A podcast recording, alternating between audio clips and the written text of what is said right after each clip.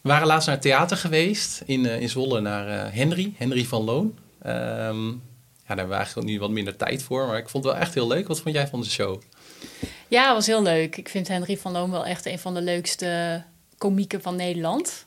Ehm, ja, zijn show ging vooral over kinderen, het krijgen van kinderen en voor hem dan vaderschap. Ja. Dus dat was natuurlijk voor jou en voor ons wel heel herkenbaar. Dus dat uh, maakt het extra leuk. Ja, en ik vind hem ook heel grappig in uh, andere tv-shows en zo. En op Instagram. Dus dat uh, ja, is leuk om hem dan weer in het echt te zien. Ja, ja wat zei je nou? Hij doet ook zo'n show met Bram Krikke of zo? Of ja, af en toe doet hij van die sketches op Instagram met uh, Bram Krikke. Nou ja, maakt hij bepaalde types influencers en zo een beetje belachelijk. Maar dat mm. is natuurlijk wel leuk. Ja. ja, nee, ik vond die show ook leuk. Met die, moest ik, veel inderdaad dingen over het vaderschap. En hij heeft dan ook twee kind, twee, hoe heet dat? Niet pleegkinderen, maar stief... Uh, Stiefkinderen en nu ook een zijn eigen, eigen ja. dochtertje gekregen. Ja, ja, ik moest ook denken aan die scène met de kermis, met zijn vader. Die vond ik ook echt heel... Uh, en ook dat heen en weer switchen tussen, tussen die verschillende ja, dat doen al heel veel comedians natuurlijk. Hè? Van de ene keer dan heeft hij die verhaallijn en dan switcht hij weer over naar iets anders. En... Ja, en dan komt hij er opeens weer op terug. En, ja, uh, ja, ja, dat is leuk. En die gast die ook na tien minuten uh, moest plassen, die op de eerste rij zat. Ja, die wordt dan natuurlijk gelijk uit het publiek gehaald. Ja, ja, ja. ja, dat is ook wel leuk, ja. ja. En binnenkort naar Alex Ploeg. Ja, ook. Andere, Andere comedian, ja. Het is wel leuk dat we nu uh, weer af en toe naar theater gaan. Nu het ook weer kan. Ja, nee, zeker. Corona en zo, ja. Ja, we gaan zo meteen hebben over een niet-Nederlandse comedian. Inderdaad. En uh, daar heb ik echt een, uh, een dikke boektip over. Dus. Vooral uh, verder blijven luisteren. Yes.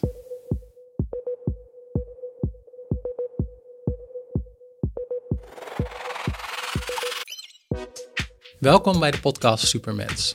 Ik ben Peter Joosten. Ik ben biohacker, toekomstdenker en schrijver van het boek Biohacking en Supermens. Ik geef lezingen en webinars over de supermens, technologische ontwikkelingen, zorgtechnologie en de overheid van de toekomst. Op peterjoosten.net vind je daar meer informatie over, net als mijn artikelen en video's. En mijn vriendin Suzanne is de host van deze podcast.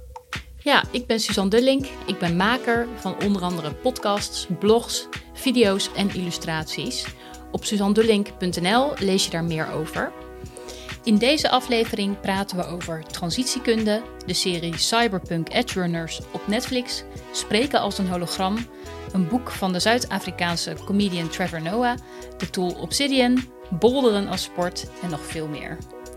In de beschrijving van de podcast vind je timestamps. In sommige apps kun je daarop klikken en dan direct naar dat deel van de podcast gaan. Maar eigenlijk hopen we dat je naar de hele podcast luistert. Heel veel luisterplezier.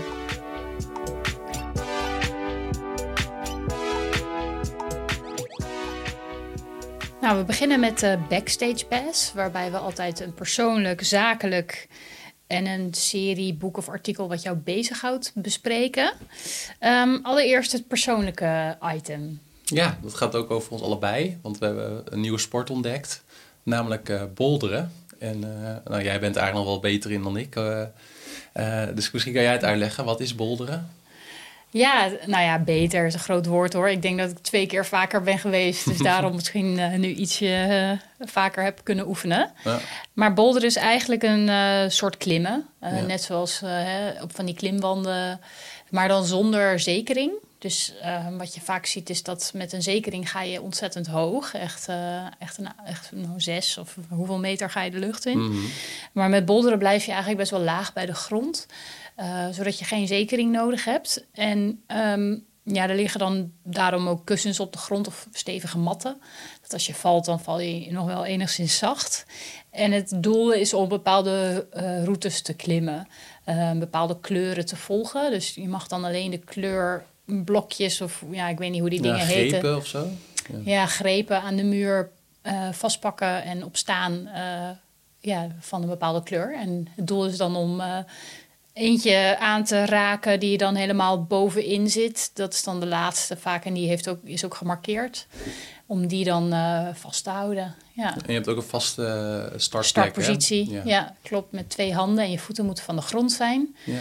En dan uh, kun je beginnen. Ja, en het is eigenlijk een leuke puzzel om op te lossen. Ja, dat was ook wat ik, wat ik dacht. Van, het is niet alleen fysiek, maar je moet ook echt, het is ook een soort van ook een combinatie met een beetje denken en strategie en tactiek en zo. Dus dat vind ik ook wel heel leuk aan. Ja, en ondertussen ben je eigenlijk druk je spieren aan het gebruiken. Dus dat is wel een leuke combinatie. Dat je, ja, je hebt niet helemaal door dat je uh, aan het sporten bent, omdat je dus ook zo aan het nadenken bent. Mhm. Dat vind ik er wel heel leuk aan. Ja, en ons voornemen is ook om dat uh, één keer per maand te doen. Hè? En dat we dan hidden meenemen en dan... Uh, om de beurt gaan klimmen. Beurt, en, ja. ja. vorige keer vond hij het ook al heel fascinerend om jou te zien klimmen. Dus, ja. ja, binnenkort moeten we weer gaan. Ja, lijkt me goed. Lijkt me goed. Top. Ja. En op zakelijk gebied een ontwikkeling? Ehm, ik, uh, ik zal beginnen. Uh, ik had uh, laatst een, werd ik gevraagd om te spreken op een inspiratiefestival van Hogeschool Windesheim. En dat was georganiseerd door de faculteit bedrijfskunde, maar ook andere studenten en docenten van andere studies waren ook welkom. En ehm, nou, ze wilden heel graag dat ik daar kwam spreken, alleen ik kon niet, want het was echt de donderdag dat we dan ook op weg gingen, zeg maar, op vakantie. En uh, ik heb er nog wel even nagedacht, zou het toch kunnen dat ik er s ochtends spreek en dan uh, daarna in de auto. Maar uiteindelijk was het festival ook in de middag. En, um, uh, dus daar kwamen we niet helemaal uit. En toen had ik overleg met ze en dan hadden ze het erover van... ja, we kunnen wel denken aan een opname of dat je een soort van webinar doet. Maar toen kwamen zij met het idee van, we kunnen ook een hologram van jou maken... Nou, dat was voor mij de eerste keer. Ja. en uh, dat was wel echt een hele leuke ervaring. Want ik ging toen naar een uh, bureau in, uh, zo'n mediabureau in, in Meppel, waar ze dan mee samenwerken.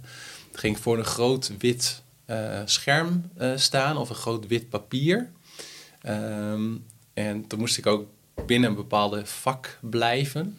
En wat ik heel bijzonder vond, want ik dacht van hebben ze meerdere camera's voor en achter en zij en zo om een hologram te maken. Nee, zij konden technisch zo dat ze dat met één camera konden. Een hele goede of zo, geen idee. En uh, ik kon ook al het eerste resultaat zien. En dat vond ik eigenlijk ook al best wel... Uh, ja, ik dacht ook al van, oh, dat ziet er wel, wel tof uit. En wat, wat ik vervolgens deed was net als... En dat is al mooi dat ik wel wat ervaring heb met het geven van webinars. Want ik moest gewoon richting die camera mijn, uh, mijn presentatie geven. En ook wel van die kleine dingetjes. Bijvoorbeeld van, ehm, soms laat ik ook een, een, korte video zien in mijn uh, presentatie. En dan vroeg ik ook aan, uh, aan, die, aan die jongen van, uh, ja, moet ik dan... Het is wel leuk als, ik, als, als de hologram dan ook naar het scherm kijkt hè, op, het, op het festival zelf. Dus dan ja, moet ik dan naar links kijken of naar rechts kijken. En toen nou, ging ik naar rechts kijken want, en dat kwam uiteindelijk ook goed uit. Dus dat was heel leuk, maar dan is nog wel spannend hoe, uh, ja, hoe het eruit ziet. En toen kreeg ik dan wel wat filmpjes doorgestuurd. Uh, en dat vond ik, ik vond het echt heel, echt wel heel echt lijken. En dat begreep ik ook van onder andere van Tamara, mijn contactpersoon daar. Die, dat sommige mensen in het publiek ook echt een beetje in de war waren. Van, spreekt die man nou vanuit een box of zo? Of, Ja, want hoe je het moet zien is dat, dat jouw hologram, hologram zat wel echt in een soort afgekaderde box. Klopt wat een soort beeldscherm dan is of zo? Of lichtprojectie? Of, ja, dat weet ik eigenlijk ook niet. Nee. maar het is niet zo'n hologram zoals Michael Jackson of ABBA nee, of zo. Die, die vrij in de ruimte rondlopen. Ja, ja dat zal nog veel complexer zijn. Dat denk ik ook. En duurder, denk ik. Ja, ja. ja. Maar wel een leuke, moderne oplossing om toch uh, te kunnen spreken. Zeker, ja. Dus ik ben benieuwd of ik dat ook vaker ga doen in de komende tijd, de uh, komende jaren. Ja, jij zei volgens mij ook als opening van, uh, wat ik wel grappig vond... Um, dit is uh, hè, opgenomen in het verleden, maar ja. het is een soort, het hologram is weer heel futuristisch. Is uit de toekomst. Ja, spreek, uit... ik, spreek, uit het verleden, want dan is het opgenomen, maar ja. als hologram is het, ja, dat was ook al... Iets uh, futuristisch, ja, een grappige combinatie. Ja, ja. dus, was, uh, en, dus dat was heel leuk om te doen. Ja. ja. En, um, en jij hebt ook een zakelijke update. Klopt, ja. Ik, ik heb een nieuwe baan. Ik uh, heb 6,5 jaar eigenlijk als freelancer gewerkt op het gebied van uh, marketing, communicatie, uh, opdrachten. En um, ja, ik, ik, zat eigenlijk al een tijdje na te denken van wil ik wat meer gedetacheerd zitten, langdurige klussen te doen. Um, ja, omdat dat toch, um, dan heb je toch meer binding met een organisatie en wat meer rust en overzicht, omdat je dan echt voor één project werkt. Maar toen kwam eigenlijk ook langzaam het idee van ja, uh, dan kan ik ook op, op zich uh, in loondienst gaan. Als er een leuke baan voorbij komt die bij me past en uh, eigenlijk ook wel flexibel is of dat ik ruimte heb ook wel voor mijn eigen dingen. En dat, nou ja, dat is eigenlijk gelukt. Ik heb bij EDSN dus een, een baan als communicatieadviseur voor 24 uur per week. Dus dat is ook best wel flexibel in te delen. En um, ja, geeft me ook genoeg ruimte voor de zorg van Hidden en voor sporten en allemaal dat soort dingen. En, en EDSN is um, Energie Data Service Nederland. En zij beheren alle energiedata uh, van Nederland. Dus alle meterkasten, alle uh, ja, van huishoudens, maar ook van bedrijven. Dat genereert natuurlijk ontzettend veel data. Uh, hè, over verbruik, over nou ja, teruglevering van zonnepanelen, hmm. noem maar op. En dat beheren zij en zij bouwen daar programma's voor uh, om, dat, om daar ook weer verbetering of te kunnen gaan optimaliseren. En het energienet is natuurlijk zwaar belast om dat hmm. ook daar inzicht in te geven hoe dat beter verdeeld kan worden. Dus dat, dat doet EDSN. En ja, ik ga daar, doe daar nu de communicatie over en voor. Dus dat uh, bevalt erg goed, ja. Maar ik vind het ook nog heel erg leuk om deze podcast te blijven doen. Dus, dus mensen die luisteren hoeven niet bang te zijn dat, het, dat, dat ze alleen nog mij nog maar horen in de toekomst. Nee, inderdaad. Nou, ik ben er ook heel blij mee dat je dit nog wil blijven doen. Dus, Gelukkig, ja. ja. En tot slot een um, artikel of podcast die jou bezighoudt. Ja, ik heb een interessant stuk gelezen. Dat heet uh, How to Do the Most Good. Uh, dat is een, uh, gaat over effectief altruïsme. En dat, de schrijver is William McCaskill. Dat is een Schotse filosoof en een auteur. En dat is ook een, boek over effectief altruïsme geschreven. En effectief altruïsme um, gaat er eigenlijk over van... wat is nou de beste manier om je tijd en energie zoals ik het vertaal, te besteden voor een betere wereld. voor be beter klimaat of het, minder armoede, dat, soort, dat soort zaken.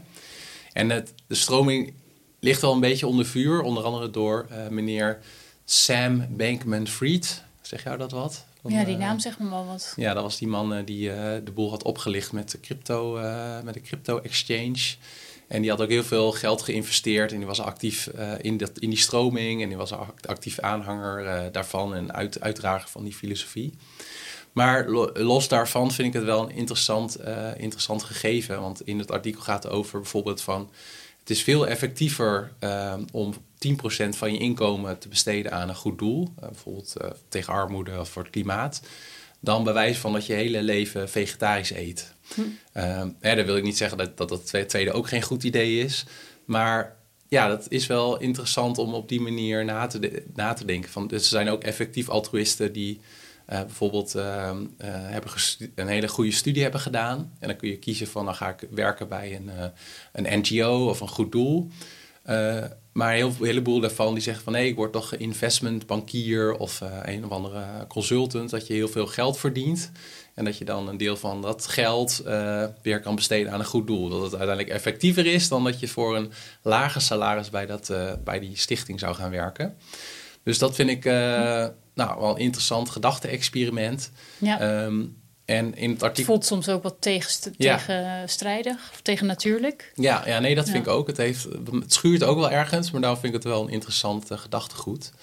en in, in, het artikel van wat ik heb gelezen komt ook naar voren. Wat zijn nou dan manieren om ja, het meeste goede te doen in, in de wereld. Nou, dus onder andere ook een deel van je, van je inkomen zeg maar, aan een goed doel geven. En zelf probeer ik dat ook met mijn bedrijf. 5% van de win, nee, 10% van de winst ook aan een goed doel te geven per jaar. Mooi. En, maar daarnaast is het ook um, wat hij zegt, politiek activisme. Het verspreiden van goede ideeën en het hebben van kinderen. Dat, omdat je die dan ja, eh, ook weer eh, bepaalde ideeën kan meegeven en uh, jezelf het goede voorbeeld kan, uh, kan, kan zijn. Het werkt dan een beetje als een olievlek. Ja, werkt als olievlek. Dus ik, ja, ik vind dat een interessante, ja, interessante stroming en ik blijf dat wel volgen. Ja, zeker. Het is wel heel interessant. Ik had ook nog wel er iets over gelezen als kritiek dat het wel heel rationeel naar Eh, ja, wat goed is, kijkt. Uh, Dat vond ik, vind ik ook wel inderdaad. Van ja, je kunt wel voor een, uh, ja, grote bank gaan werken die, nou ja, bij wijze investeert in allerlei kwalijke zaken. En dat je daarnaast wel je geld of je, je deel van je salaris. Ja. Um, stort op een goed doel. Maar dat je ook wel denkt van ja, en en kan misschien ook in mm. bepaalde zin. Of nou ja, goed. Ja. Maar het is wel een heel, heel rationele manier om te kijken naar wat goed is. Ja. Maar het heeft zeker hele interessante aspecten, absoluut. Ja, ja. ja. het is wel leuk dat je dat zegt, dat rationele. Ik denk dat daarom ook wel zo populair is in uh, bepaalde uh, technologieondernemershoek, ja, zeg maar. In bepaalde kringen is dat wel van, nou, als ik dat dan doe, dan koop ik het een beetje af of zo. Dan koop ik de rest van mijn gedrag uh, af. Ja. Ja, dat, dat is, voelt, zo voelt het voor mij dan misschien een beetje. maar dat, ja. ja. Nee, dat herken ik ook wel hoor. Dat volgens mij is dat ook wel waar klimaat van die klimaatonderzoekers ook wel in de, onderzoek naar doen. Van, soms heb je eh, voor mezelf bijvoorbeeld van zijn we op wintersport geweest, wat eigenlijk niet goed is voor het klimaat. Maar dan praat ik het voor mezelf een beetje goed dat ik denk van nou, ik heb in ieder geval die vakantie geen vlees gegeten. Ja, ja. Maar ja, eigenlijk zou je allebei niet moeten doen. Klopt, ja. maar dat zal dan hier inderdaad ook wel een beetje een rol spelen. Ja, ja, ja. inderdaad. Ja. ja. interessant. Zeker. Ja. Dan gaan we door naar de deep dive. En daar bespreken we een bepaald onderwerp ja, wat langer, wat uitgebreider. En vandaag gaan we het hebben over transitiekunde. Ja, vertel waarom dit onderwerp en wat, uh, wat is er, het? Wat is het? Wat vind je er zo interessant aan? Nou, dat komt door een boek dat ik heb gelezen van Jan Rotmans. En dat heet uh, Omarm de chaos. En Jan Rotmans is een, is een wetenschapper. in eerste instantie was hij ook een van de jongste, iets van, nou, best wel een, een slimme meneer. Een van de jongste wetenschappers ooit in Nederland. En hij was zeg maar in het begin ook al, uh, was een van de eerste die ook uh, klimaatmodellen had, had gebouwd. En, ehm, en op een gegeven moment is zijn focus van zijn onderzoek veranderd van klimaat ehm, naar transitiekunde. En transitiekunde gaat er eigenlijk over dat we te maken hebben met een aantal veranderingen of transities, zoals hij dat noemt. En ehm, dat heeft ermee te maken dat systemen die veranderen. Dus hoe we dingen nu hebben ingericht. bijvoorbeeld, nou, het makkelijkste voorbeeld is het energiesysteem met, yeah. met fossiele brandstoffen en zo. Um, dat is gebaseerd op nou, de wereld zoals die in, nou, weet ik veel, 1900 of 1950 was. Alleen ondertussen gebeurt er natuurlijk zoveel veranderingen uh, in de voor, vooruitgang van wetenschap en technologie. En nou, je bent er zelf ook wel uh, met EDSN natuurlijk bij. Uh, Zeker. Ja. Zie je daar een en ander van. Maar wat er dan gebeurt is dat zeg maar de oude, de oude systeem, zoals dat, dat voldoet eigenlijk niet meer. En in dat boek gaat het over van hoe ziet dan die verandering eruit van het ene systeem naar een ander systeem. En um, nou, eigenlijk is het zo dat zo'n systeem moet door allerlei veranderingen. En hij noemt dat de onderstroom. Dus er kunnen ook maatschappelijke, hè, maatschappelijke mening zijn of dat we als mens uh, veranderen. Die leiden er uiteindelijk toe dat zo'n systeem zich of moet aanpassen of ja, dat het systeem breekt en dat er eigenlijk weer een nieuw, uh, nieuw constellatie, een nieuw, systeem ontstaat. En wat ik, heel, wat ik wel heel bemoedigend vind, en daar gaat de titel ook wel over, is dan omarmde chaos. Want soms heb ik wel dat gevoel dat we nu echt wel in chaotische tijd leven. Met zoveel dingen die, die gaande zijn. Niet alleen in uh, energie, maar ook uh, uh, nou, geopolitiek. Geopolitiek en, en zorg en onderwijs. En, en hij zegt eigenlijk van ja, die chaos is eigenlijk wel nodig. Omdat je dat, dat, dat markeert zeg maar de situatie tussen twee systemen, ook in, in, zeg maar in die fysica, dat je altijd dan een periode van, van chaos hebt voordat het weer een soort van stabiel wordt. Dus uh, ze hebben ook een, een soort van S-model. Dus eerst is, is die verandering heel weinig, maar dan schiet het omhoog. Gaat, gaat door die transitieperiode heen, die chaotische periode. En dan, dan, dan zet het systeem zich weer opnieuw. En uh, dat is bemoedigend. Aan de andere kant zegt hij van ja, uh, dat werkt ook niet altijd. En soms hm. is het systeem ook wel weer te sterk. Um, maar aan de andere kant is het wel ook een oproep um, dat je zelf ook wel invloed hebt op dat systeem. Hè? Want ik, dat herken ik zelf ook wel. Dat ik denk van ja, wat, wat voor invloed heb ik nou om, uh, weet ik veel, de energietransitie uh, echt uh, te veranderen. Maar uiteindelijk zijn het toch ook de individuele keuzes die je zelf maakt. En hij zegt van wij mensen maken ook weer het systeem. Dus ja. ja, dus dat vond ik wel heel interessant. En wat ik ook boeiend vind, is dat je ook dus verschillende type mensen nodig hebt. Dus aan de ene kant heb je pioniers nodig, die een beetje voorop lopen in, in veranderingen, die, die experimenteren. Maar daarmee alleen red je het niet. Je hebt uiteindelijk ook weer mensen, verbinders nodig, die zeg maar ook weer, ja, ook weer empathisch luisteren naar de mensen die nog wel wat meer vastzitten in het oude systeem en die helpen weer aanpassen. Dus uh, ja, de transitiekunde is wel iets waar ik ook nog meer over wil lezen en leren. En uh, nou, misschien ook wel meer over ga vertellen in, in lezingen binnenkort. Ik heb er laatst wel wat over genoemd bij een lezing voor de Hogeschool Arnhem-Nijmegen. Uh, want die zijn ook heel veel bezig met, uh, ja, met nieuwe manieren om, om de zorg zeg maar, in te richten. doen ze in hun onderwijs en onderzoek. Maar ze zeggen ook van ja, wanneer gaan we dit nou breder zien in Nederland? En gaan zorgverzekeraars meedoen en, en de overheid? Nou, en dan heb ik ze toch ook dit, dit model uitgelegd. Van, uh, ja, het zijn wel een aantal ontwikkelingen in die onderstroom. En nou, jullie zijn nu al in de voorhoede, maar ja, straks breekt het echt door en dan, dan zijn jullie goed voorbereid. Dus ja, dus dat is eigenlijk het idee achter de, de transitiekunde. Ja, heel interessant. En heeft Rotmans dan ook nog een uh, idee van hoe lang zo'n transitieperiode duurt, gemiddeld? Is dat zoveel jaar of tientallen jaren? Of verschilt dat heel erg als het systeem heel groot is, dat dat veel langer duurt? Of ja. heeft hij daar niet echt iets uh, specifiek zo? Ik kan me niet zo herinneren. Wat ik mijn eerste reactie die ik zou hebben is dat dat inderdaad verschilt, maar dat het niet tientallen jaren duurt. Dus dat het ook wel weer, uh, zoals met de ene, dus en dat vond ik ook wel een mooie quote uit het boek, is uh, dat mensen aan hem vragen van word je niet heel depressief ervan? Als, want hij was vooral met klimaat bezig.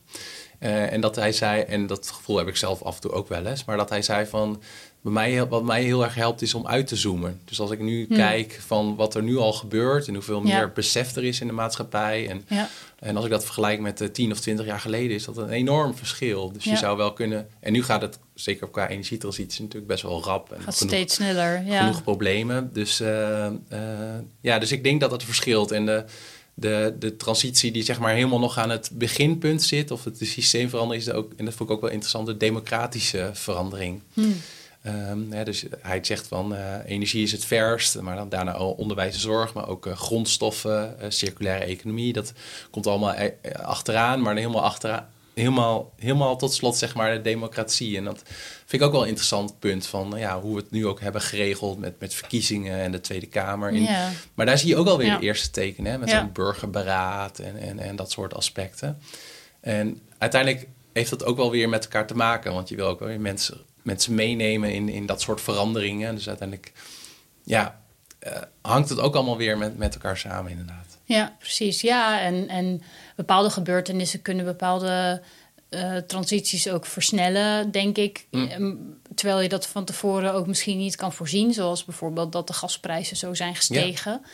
Uh, nou ja, dat zijn dan geopolitieke zaken, maar dat versnelt dan uiteindelijk weer de energietransitie. Klopt, ja. Dat, het haakt ook allemaal weer op elkaar in en uh, misschien gebeurt er wel iets heel groots, waar toch, waardoor toch die democratie uh, opeens heel snel verandert of zo. Dat, Precies, ja. ja, ja. Dat je nu denkt van het gaat nog heel langzaam, maar mm -hmm. die S kan dan ook opeens heel, heel kort zijn, zeg maar. Klopt, hele, ja. Of ja. Ja, dus ja. Ja, dat is ook zo. Dat, dat, het is nooit een bepaald tijdspad wat het netjes volgt. Nee, nee. En in mijn werk probeer ik dat altijd wel een soort van uh, uh, perspectief uh, te zien. En, en, maar het is echt super lastig inderdaad wat je zegt. Want sommige dingen kunt versnellen, andere elementen kunt weer tegenwerken. Ja. Ehm, maar ja, ik moet wel zeggen, het helpt me wel, dat model, om, om iets meer vanuit dat perspectief, zeg maar, naar, naar ontwikkelingen, dat soort ontwikkelingen te kijken. Ja, ja.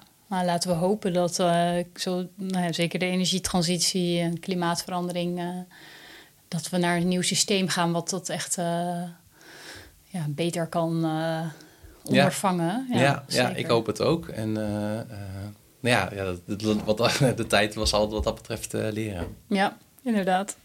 Interessant. Dan gaan we door naar de bullets. Um, waarbij we eigenlijk altijd drie dingen bespreken die we hebben gelezen een, of gezien en een tool of tech, dus een, uh, iets technologisch. Allereerst iets wat jij hebt gelezen. Ja, ik heb dit niet gelezen, maar het is een boek oh. dat ik heb geluisterd. Oh ja. Ja, dus dat, dat telt ook als... als uh, gelezen. Af en toe, ja, uh, ja, ja ik, ik merk wel, luisterboeken vind ik heel fijn, maar het moeten ook niet te inhoudelijke luisterboeken zijn. Dus dan, dan vind ik het lekkerder om te lezen, want dan kan ik ook aantekeningen maken en zo. En ik naar een luisterboek luister, wil ik ook gewoon een leuk verhaal hebben. Uh, ja, dan kun je dat ook tijdens het wandelen doen of in de trein. Of, uh, ja. En dan gaat het minder om de directe kennis. Hè, want ik lees ook vooral veel om, om op de hoogte te zijn van nieuwe ontwikkelingen. Of nou, waar we net over hadden, uh, nieuwe concepten voor mij dan, hè, zoals de transitiekunde en zo. Maar ik heb dus een, een boek gelezen en... Um, de eerste keer dat ik van dit boek heb gehoord, dat was, uh, ik heb in 2019 meegedaan aan een hardloopvakantie in de Italiaanse Dolomieten. En het leuke daarvan is uh, dat uh, we waren met ons 15 of zo. Um, en er waren 14 Amerikanen en ik. dus er waren allemaal Amerikanen en dat was wel heel leuk. Um, en een van die mensen, van die hardlopers, die, die, vroeg, die was dan een boek aan het lezen op haar e-reader. Toen vroeg ik, oh, wat lees je dan? En die zei van, ik lees Born a Crime van Trevor Noah. Want dat is een van de hosts van de Daily Show, als ik goed zeg, Amerikaanse beetje wat Lubach doet. Of ja, Lubach is geïnspireerd volgens mij door de Daily Show. En uh, dus een soort van uh, Lubach uh, in, in Amerika. En dat is een, een comedian, Trevor Noah. Alleen die is opgegroeid, geboren en opgegroeid in, in Zuid-Afrika. En, en dat luisterboek, dat scoort ook een 4, ik moet even opzoeken. Die scoort ook heel hoog op Goodreads. Dus ik lees ook zeg maar, of ik kijk in de boeken. Ik hou bij op Goodreads, een soort van social medium voor uh, ja, mensen die ja, boeken lezen. IMDb of ja. Ja, een soort van IMDb, maar dat, deze is dan voor boeken. En, ja. en hij heeft daar ook een 4,5. Dus dat is van echt... 5, ja. Van de 5. Van de 5 ja. ja. Ja, dus echt wel hoog. En het is ook echt een heel leuk boek. Dus het is eigenlijk gewoon een aanrader om een aantal... Leest hij het ook zelf voor? Ja, ja, hij leest het zelf voor. En dat helpt wel, want hij uh, kan dat gewoon heel goed. En, ja. um, ook omdat hij af en toe... Uh, nou, wat vertelt over in uh, wat woorden, zeg maar, in, in, Zuid, in het Zuid-Afrikaans. Of dan, en soms ook in, nou, hij is, zijn moeder komt op van een bepaalde stam, de Swasha of weet ik veel wat. En die hebben ook weer bepaalde woorden. En hij heeft een Zwitserse vader, dus hij is zelf ook niet helemaal zwart. Ehm, maar bijvoorbeeld werd hij in zijn jeugd werd hij dan eigenlijk ook al als wit aangezien of als bijzonder aangezien. En dat zorgt ook wel dat hij weer niet in bepaalde groepjes hoorde. Maar dat is eigenlijk het leukste van het, of het meest interessante van het boek was. Ik heb in zeg maar de basisschool, middelbare school wel geleerd over de apartheid in, in Zuid-Afrika. Maar in dit boek wordt het nog veel duidelijker, omdat hij opgroeit, zeg maar, net rond de. Volgens mij is de apartheid net klaar, of is het net uh, af, uh, hoe zeg je dat? ja, gestopt. Gestopt, ja ja, ja, ja, Maar je ziet natuurlijk nog heel erg die Um, de naweeën. Die, de naweeën, de regels, het gedrag van uh, zowel zwart als witte mensen. En nou, dat wordt echt heel duidelijk. En uh, hoe, ja, hoe bizar dat was en wat voor enorme gevolgen dat heeft voor gezinnen en families. Dat, dat vond ik een heel uh, interessant aspect uit, uit dat kun je ook wel zien als een soort systeem wat veranderd is. Ah, ja, ja. ja, zeker. Ja, ja. interessant. Goede, goede observatie. En het tweede wat, uh, wat heel mooi is aan het boek is dat zijn relatie met zijn moeder. Um, en um, nou, de titel gaat The Born a Crime. Hij, hij groeit eigenlijk echt wel op in een, in een slechte buurt. Maar zijn moeder doet, die doet echt alles om, uh, om te zorgen dat, dat Trevor en zijn broertje een, een goede jeugd hebben en, en goed terechtkomen. Nou, dat is uiteindelijk ook wel gelukt. Zeker. En er zijn echt een aantal ehm, hele ja, bijzondere scènes in het boek. Uh, bijvoorbeeld, uh, zijn moeder is uh, heel religieus en ze gingen dan ook op zondag naar drie verschillende kerken. een kerk waar veel witte mensen zijn, waar die, dat vond de moeder fijn, want er werd dan heel veel gelezen uit de, uit de Bijbel. en dan nog een, naar een andere kerk, want dan hadden ze lekkere broodjes. En dan nog tot slot naar, naar een kerk met heel veel zwarte mensen, want daar was heel gezellig en werd heel veel gezongen en, en, en dat soort dingen. En nou, dat is maar één voorbeeld. En en, en, en dat zit er ook heel erg in het boek, omdat hij is een comedian. En, eh, en het is echt heel, ik heb een aantal keer echt heel, heel, heel hard gelachen. Uh, wat heel gek gezicht is als je naar een luisterboek luistert. Nee, ja. maar ja, echt wel een dikke aanrader, de boek uh, Born a Crime. Ja, leuk. Klinkt, ja. Uh, klinkt zeker interessant, ja. En de tool of tech die je wil met ons wilt delen? Ik heb het hier denk ik al een keer over gehad. Maar ik, in de nieuwsbrief die ja, een beetje samenkomt met deze, met deze podcast, deel ik ook een video over hoe ik Obsidian gebruik. En Obsidian is een, een, een tool waarmee je notities maakt. Ehm, ik weet niet, jij gebruikt nog wel Apple Notes, hè? Of heb je ook Evernote? Heb ik ooit gehad, maar dat vond ik eigenlijk een beetje te, te log voor wat, wat ik hmm. nodig heb. Ja. Ja. Dus ik gebruik eigenlijk vooral notities op mijn telefoon. Ja, precies. Nou, ik, ik ook. Uh... En Google, Drive. Oh ja. Ja. ja. ja. ja. ik heb ook, en volgens mij dat verschilt echt voor iedereen en dat is helemaal prima. Maar ik heb een aantal notities waar ik zeg maar regelmatig even bij moet. Dat doe ik ook op, uh, op Apple Notes, want dat werkt gewoon super snel en handig. En uh, dat is een soort van mijn korte termijn geheugen qua not notities. Ja. En dan heb ik nog een ander programma, uh, dat heet dan Obsidian. En daar gebruik, dat gebruik ik eigenlijk als tool om wat langduriger notities in op te slaan. Dus nou, bijvoorbeeld deze podcast bereid ik hiervoor in, in Obsidian. Ehm, ehm, maar ook als ik een interessant boek heb gelezen, zoals waar we net over hadden, Omarm de Chaos, alle highlights kan ik dan ook in een notitie in Obsidian zetten. En nou, als ik iets interessants lees of dat soort dingen. En het mooie, uh, bijvoorbeeld ten opzichte van een tool zoals uh, Evernote. In Evernote, dat werkt eigenlijk een beetje zoals uh, ja, de mappenstructuur op je, op je laptop. Hè, Je mhm. hebt dan mapjes en daar zitten dan misschien submapjes en daaronder zitten weer notities. Het krachtige van Obsidian, maar er heeft bijvoorbeeld ook andere tools zoals Notion uh, hebben dat, of Rome Research, nou, mag je direct weer vergeten. Ehm, maar dat, dat die ook onderling kunnen linken. Dus die werken meer zoals eh, Wikipedia of zoals een website. En dat vind ik echt super handig. Bijvoorbeeld in het voorbereiden van deze, van deze aflevering heb ik dan een notitie over uh, podcast 125, hè, dat, waar we nu mee bezig zijn. En dan onder het kopje um, Deep Dive heb ik dan een aantal linkjes naar nou, mijn notities van het boek uh, waar we het over hebben gehad, maar ook een aantal andere artikelen over transitiekunde die ik heb gelezen. En dan kan ik dan gewoon heel makkelijk doorklikken uh, ja, binnen zeg maar, die ene notitie naar die andere. En dan kan ik weer terug en dan kan ik die. Dus dat werkt veel intuïtiever en veel handiger en veel makkelijker. Dus ik ben. en daarnaast heeft Obsidian nog een hele aantal andere um, ja, functionaliteiten, waardoor ik er echt heel fijn, heel snel mee kan werken. Want dat is volgens mij het allerbelangrijkste. Dat je gewoon heel snel wil je, je informatie uh, beschikbaar hebben. Of heel snel wil je informatie ergens opslaan. Ja. En, ja dus daar vind ik Obsidian echt een, uh, een dikke tip uh, voor. Ja, dus volgens mij zeker voor als je onderzoek doet. Of inderdaad dingen, lezingen geeft met bepaalde thema's die steeds weer terugkomen. En je wil daar steeds meer in je kennis in verbeteren. Nou ja, voor zoiets, zo'n soort achtig werken is zoiets heel erg handig. Zeker, ja. ja. En het, ik moet er wel bij zeggen, het kan in het begin, had ik ook, best wel intimiderend overkomen. Het lijkt heel technisch.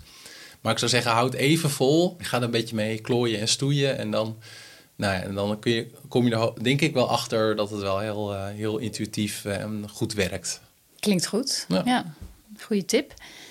En tot slot iets wat je hebt gezien. Ja, dat is de film, of de film, de serie Cyberpunk Edge Runners. En dat is uh, uh, gemaakt door de uh, studio die ook de game Cyberpunk heeft gemaakt. En daar hebben we het in een eerdere aantal podcasts geleden denk ik over gehad. Want ik heb de, de game Cyberpunk, die heb ik gespeeld tijdens corona. Ja. Dus dat is 2000, ik ben altijd in de war. 20, 20, 20 denk ik, 21.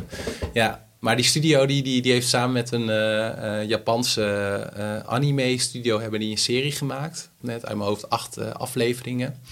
en dat heet dan Cyberpunk Edge Runners. Oh ja, dus het is een anime-serie. Het is een anime-serie, ja, ja. En het is, ik vond het, omdat ik die game had gespeeld, heel herkenbaar.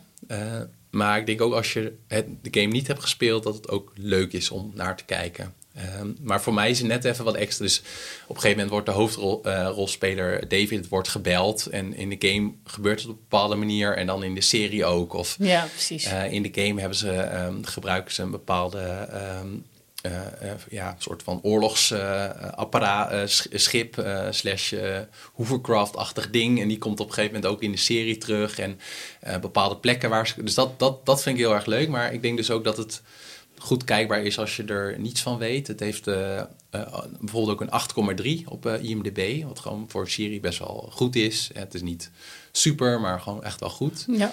Ehm, maar ik moet er wel bij zeggen, het is best wel expliciet. Dus als we het hebben over, over naaktheid en, en, en geweld, uh, echt, soms echt enorm over de top. Ja. En nou, dat hoeft niet zozeer van mij, maar ja, ik weet niet, gewoon die, de hele uh, sfeer van Night City, dat is dan de stad waar ook de, de game zich afspeelt en, en de serie dus ook, dat, dat vind ik wel echt heel, uh, heel knap gemaakt. En um, ja, het verhaal is ook echt wel, wel, wel goed.